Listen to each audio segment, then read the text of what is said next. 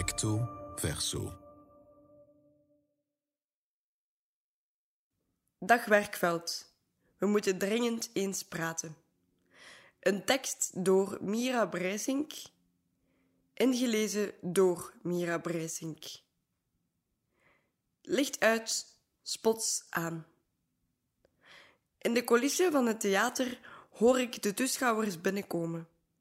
Ze begeven zich naar hun plaatsen op de tribune en ik wacht in spanning tot het stil wordt.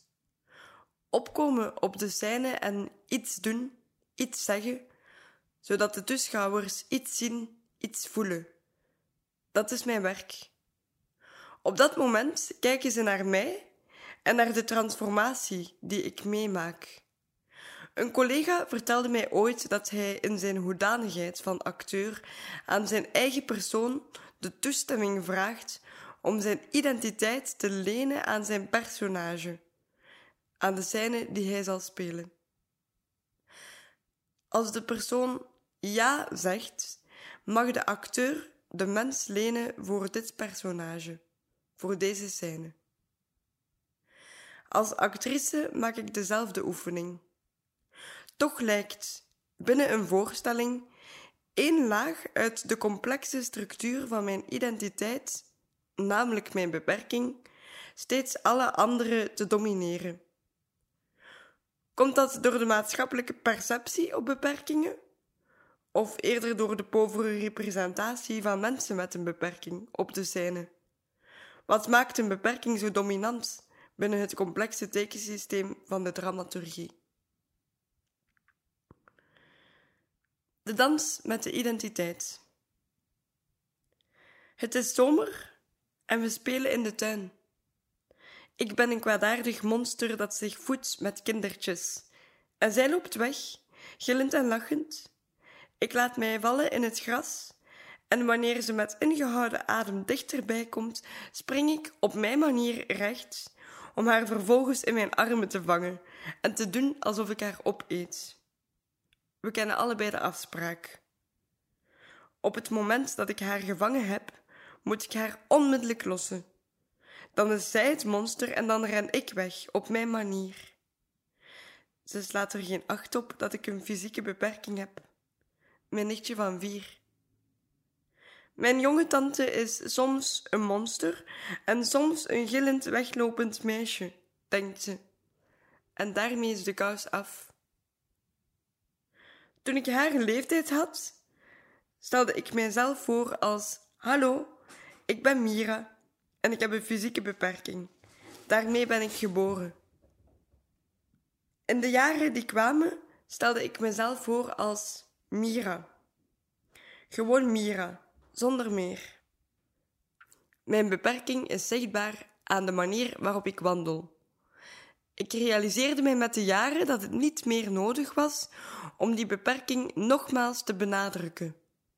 Meer nog, wanneer de buitenwereld mijn beperking benoemt, is dat meestal om het verschil tussen mij en mensen zonder beperking te duiden. Daarin wordt mijn beperking gezien als een probleem, waarop de wereld zich niet kan afstemmen. Ik leerde dus mee te draaien in een wereld die vraagt dat iedereen in de pas loopt en waarin ik mijn beperking zelf ook niet benoem. Dat zou immers het verschil bestendigen. Mijn beperking is slechts een deel van mijn identiteit. Ik ben iemands dochter, iemands collega, iemands lief, iemands buur. Wanneer ik moet afgaan op wat de maatschappij mij spiegelt, lijkt het wel alsof een beperking alle andere lagen van een identiteit uitvaagt. Er zijn toiletten voor mannen, vrouwen en mensen met een beperking. Wanneer ik binnenga in het vrouwentoilet, verloochen ik dan mijn identiteit als persoon met een beperking? En als ik binnenga in het toilet voor mensen met een beperking, betekent het dan dat ik geen vrouw ben? Ik prefereer niet te gaan zitten op plaatsen in de bus die voorbehouden zijn voor mensen met een beperking. De blikken van de medepassagiers veranderen op dat moment, alsof ze een curiosum aanschouwen. Toch moet ik bezwijken voor het tempo waarmee de bus vertrekt. Nog voor ik er erg in heb, word ik letterlijk en figuurlijk op de plaats van mensen met een beperking gecatapulteerd en beken ik daardoor kleur. Ja, ik heb een beperking. Misschien is dat ook wat ik met deze tekst doe. Benoemen. Ja, ik heb een beperking. En de dans die ik maak met dit deel van mijn identiteit is niet enkel complex binnen de maatschappij, maar ook binnen het werkveld. Over pakte en verantwoordelijkheden. Al een paar jaar beweeg ik mij in het kunstenlandschap als theatermaker, actrice en dramadocent. Precies omdat dit deel van mijn identiteit zo geladen lijkt te zijn voor mensen zonder beperking, vond ik het altijd een vervelende aangelegenheid om het daarover te hebben. Ik sloot met mijzelf een pact dat ik geen werk zou maken over mijn beperking. En dat ik niet in de kijker zou lopen als speler met een beperking. Het zou de weg die ik afgelegd heb en mijn artistieke integriteit geweld aandoen, vreesde ik. Anders gezegd, de kans zou bestaan dat de verwezenlijkingen binnen mijn parcours nog slechts tegen het licht van mijn beperking zouden gehouden worden. Dat vrees ik nog steeds bij het schrijven van een tekst als deze. Maar als ik deze tekst niet zou schrijven, ontloop ik dan niet mijn verantwoordelijkheid om als een van de weinige erkende spelers met een beperking in het Vlaamse theaterlandschap iets bij te dragen aan het maatschappelijke debat. In de hoop dat we er als werkveld in slagen ruimte te geven aan spelers met een beperking. Ten slotte ben ik niet aan het kask afgestudeerd om te horen dat het tijd vraagt om de beperking van bepaalde acteurs niet altijd weer geaccentueerd te zien. In 2016 studeerde ik af aan het kask. Ik ben er mij van bewust dat ik dit weinig evidente parcours kon lopen bij gratie van de plek waar mijn wieg stond. Mijn ouders hadden zelf de mogelijkheid om te studeren. Dat maakte mijn toekomst kansrijk. Kinderen met een beperking die in gezin geboren worden, waarin de kansen er niet zijn om bijlessen, therapieën en andere hulpmiddelen, gaande van speciale balpennen tot audiodescriptie, te financieren, ervaren de slagbomen al vroegtijdig in het onderwijs. Doorverwijzingen naar andere vormen van onderwijs of CEAL-testen volgen elkaar dan in staccato op. Doorstromen naar het hoger kunstonderwijs is op dat moment al vaak uitgesloten. Ik probeer ook hen een stem te geven, zonder dat ik mij wil opwerpen als spreekbuis voor een hele gemeenschap van mensen met een beperking. Onze noden en onze verlangens zijn daarvoor te divers, net zoals wij zelf. De dominante blik van de ander zonder beperking. Wanneer ik tijdens interviews de vraag krijg van journalisten hoe het precies is om speler met een beperking te zijn, antwoord ik openhartig, omwille van de privileges die ik had en de verantwoordelijkheid die deze met zich meebrengen. En met de nodige voorzichtigheid. Eigenlijk wil ik dat journalisten mij vragen naar mijn werk en hoe het is om speler en maker te zijn te koer in deze tijd, in deze maatschappij. Net het tegendeel gebeurt wanneer journalisten hun artikel openen met uitgebreide beschrijvingen van mijn beperking. Zelfs als ik op voorhand laat weten dat ik hier niet van gediend ben, gebeurt het nog steeds. Ik merk dat de journalisten en ik niet op dezelfde manier in dit gesprek staan en bij uitbreiding mijn beperking niet op dezelfde wijze bekijken. Op dat moment word ik opnieuw gereduceerd tot speler met een beperking. Dan klap ik dicht en weet ik waarom ik dat pact om mezelf niet als speler met een beperking te profileren, alweer gesloten had. Zelfs wiens beroep het is om goed te kijken, heeft niet geleerd om een beperking te zien zonder dat deze hun blik volledig overneemt. Met andere woorden, men faalt op dat moment in het voorbij de handicap kijken naar de speler in een bredere context. Het maakt er mij van bewust dat mijn beperking het referentiekader wordt waarmee de toeschouwer, de recensent en ook de regisseur zonder beperking naar mijn werk kijken. Die beperking wordt dan ook weer als curiosum en kwetsbaarheid uitgelicht. Ik heb mij daar lang bij neergelegd. Mijn beperking is zichtbaar. En andere mensen hun perspectief daarop bepaalt mijn positie als professionele speler in het kunstenveld. Daar valt weinig aan te doen, dacht ik. Maar zolang makers beslissen om andere lichamen en spelers niet in te sluiten in de dramaturgie als evident aan de voorstelling en in plaats daarvan steeds als bijzonderheid te presenteren, sluit het theater zichzelf af. Daarboven worden personages met een beperking veelal neergezet door acteurs zonder beperking. Deze acteurs beroepen zich op de vrijheid van transformatie, van spelen. Maar dit is precies waar het schoentje knelt. De acteur met een beperking lijkt geen aanspraak te kunnen maken op deze wederkerigheid, namelijk de vrijheid van transformatie. De dramaturgie pint de acteur vast op diens beperking. We zouden ook kunnen stellen dat de dramaturgie de acteur met een beperking nog steeds beperkt tot zijn beperking. Hebben we hier niet met een klassiek geval van framing te maken? De verschuivingen in het landschap. De grote vragen over waarom mensen wel of niet tot een wereld behoren, worden steeds vaker gesteld. Het werkveld lijkt volop bezig met zich in te lezen rond het thema diversiteit. Zowel critici, makers, spelers, opleidingen als instituten hebben een terecht groeiende aandacht voor de manier waarop het kunstenlandschap nog steeds exclusief is. De vraag om decolonisering weer klinkt steeds luider. Gelukkig. We hebben nog een hele weg af te leggen wat dat betreft. Voor en achter de schermen van het podium kleuren de kunsten nog steeds te wit.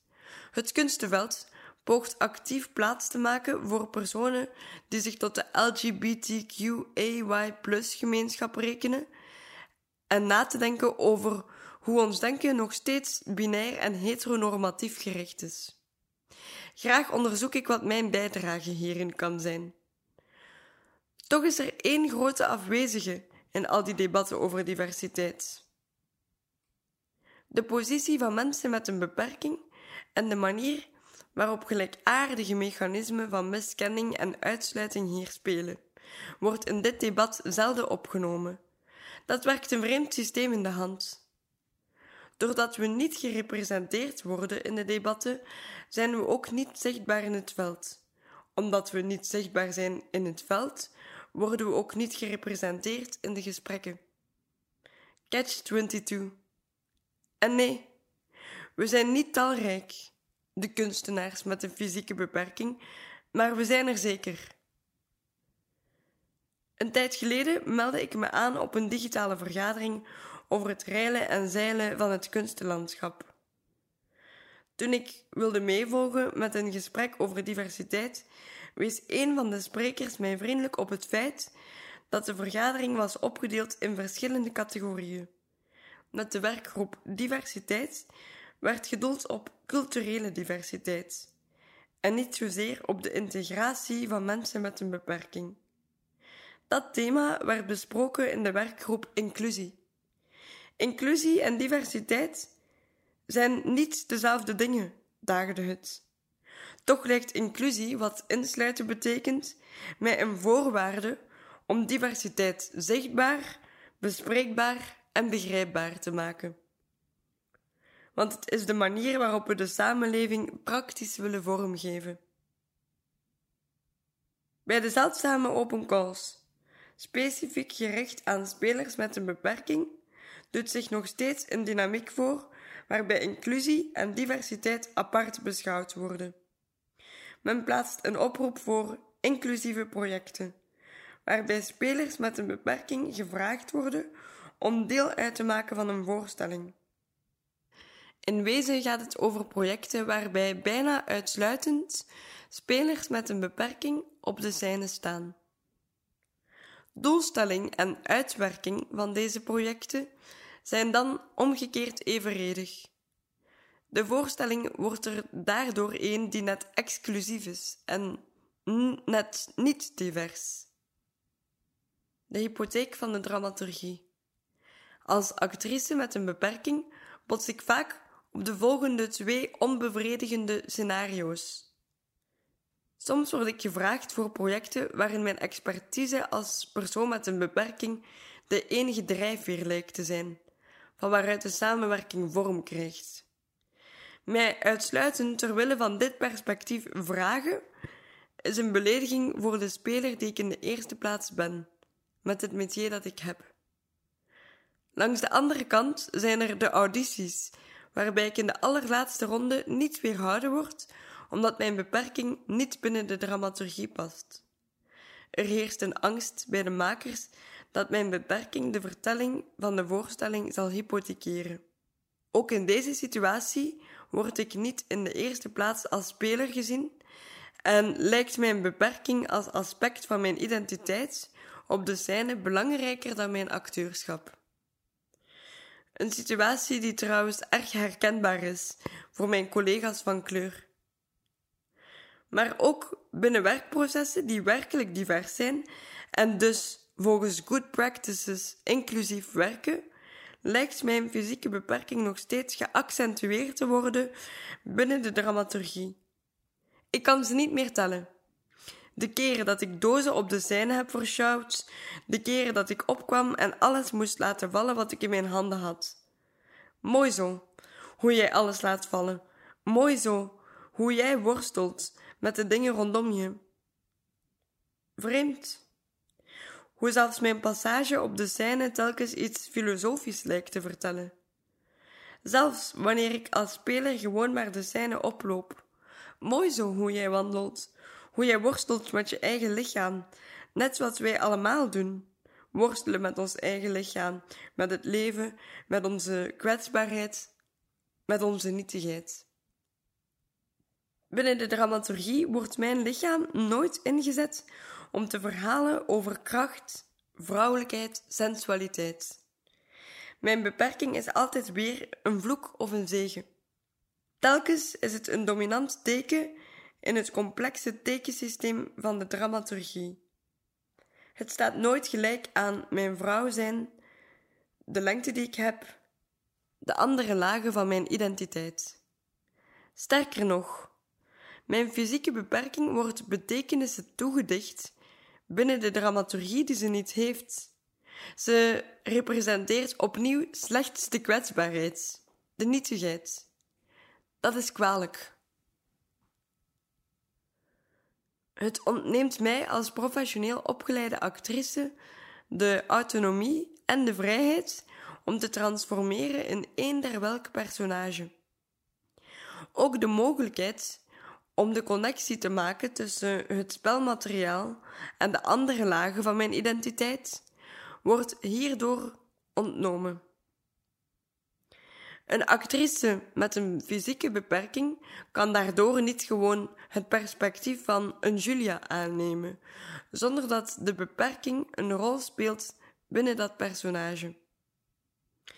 Als ze dat wel zou doen, zal Romeo en Julia plots gelezen worden als een verhaal over de moeilijke of zelfs onmogelijke liefde tussen een persoon met een beperking en iemand zonder beperking. Dat deel van je identiteit, dat vaak alleen begrepen wordt volgens de heersende stereotypen binnen de maatschappij, en dat samenvalt met waarom je in een benarde sociaal-economische positie komt te zitten, wordt door de dramaturgie geclaimd en tot meester betekenaar van je personage gemaakt. De dramaturgie kopieert hier de houding van de buitenwereld. Kan een beperking niet emancipatorisch werken? Het narratief van een Julia met een beperking kan ervoor zorgen dat jonge vrouwen met een fysieke beperking hun stoute schoenen aantrekken en zich wagen aan dat o zo complexe spel van de liefde. Het zou er zelfs toe kunnen leiden dat de ogen van, de, van potentiële Romeo's geopend worden en dat deze jonge mannen zich begeven naar de balkons van de Julia's met een beperking. Dat wil ik graag.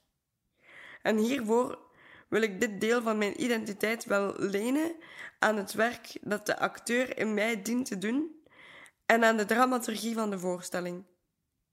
Maar terzelfde tijd ben ik opgeleid als professionele actrice en heb ik meer verhalen in mij dan enkel diegenen die over mijn beperking gaan. Mijn lichaam is naast fysiek beperkt ook vrouwelijk en kan daar ook iets over vertellen. Het vettige, het vuile, het onbewuste, het absurde, intermenselijke relaties, het besluitloze en de dood fascineren mij. Ik wil als maker en actrice ook daarover kunnen spelen, zonder dat er in de recensies en nabesprekingen telkens aan mijn beperking gerefereerd wordt. Meer nog, ik wil er subtiele knipogen en moppen over kunnen maken binnen mijn eigen voorstellingen, omdat ik dat deel van mijn identiteit niet ontken.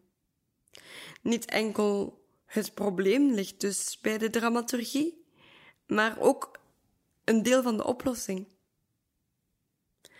Als we met de nodige aandacht binnen de dramaturgie ruimte geven aan de verschillende lagen van de identiteit van de acteur en dienstspel niet psychologiseren en thematiseren aan de hand van dienstbeperking, maken we binnen het werkveld actief plaats voor wie nu afstudeert met een beperking aan de conservatoria. Binnen het werkveld zijn we nog niet talrijk. Daarbuiten zijn we met velen, de mensen met een beperking. Maar ook in de culturele centra zijn de letterlijke en figuurlijke drempels torenhoog. De toegang tot het theater.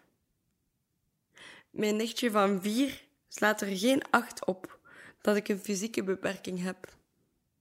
Soms ben ik een monster, dan weer een weglopend gillend meisje.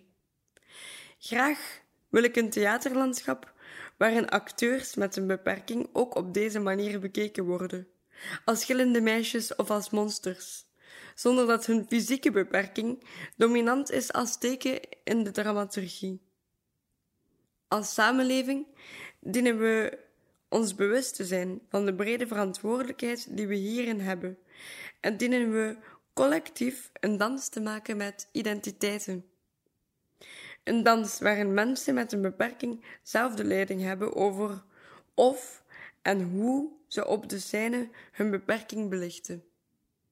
Zo creëren we een ruimer, rijker en diepgaander kunstlandschap. Een waarin verschil aanwezig is, zonder dat het altijd benadrukt dient te worden. Zodoende heeft iedereen plaats in de zaal, op de tribune en in de coulissen. En kunnen wij als een diverse gemeenschap van acteurs wachten in spanning tot het stil wordt en zonder hypotheek van de referentiekaders de scène opkomen.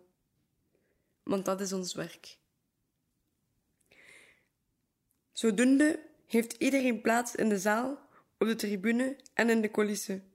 En kunnen wij als een diverse gemeenschap van acteurs wachten in spanning tot het stil wordt. En zonder hypotheek van de referentiekaders de scène opkomen, want dat is ons werk.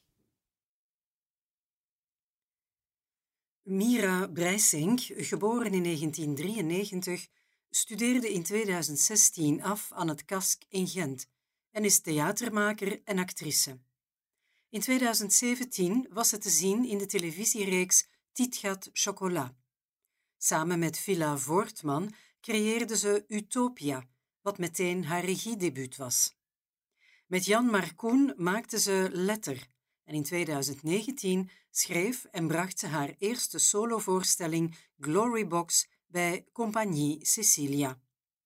In 2019 werd Mira laureate van zowel de Karen Vernimmenprijs als de Vocatiobeurs. Ze werkt momenteel binnen het Montignaars-project in de Monti in Antwerpen.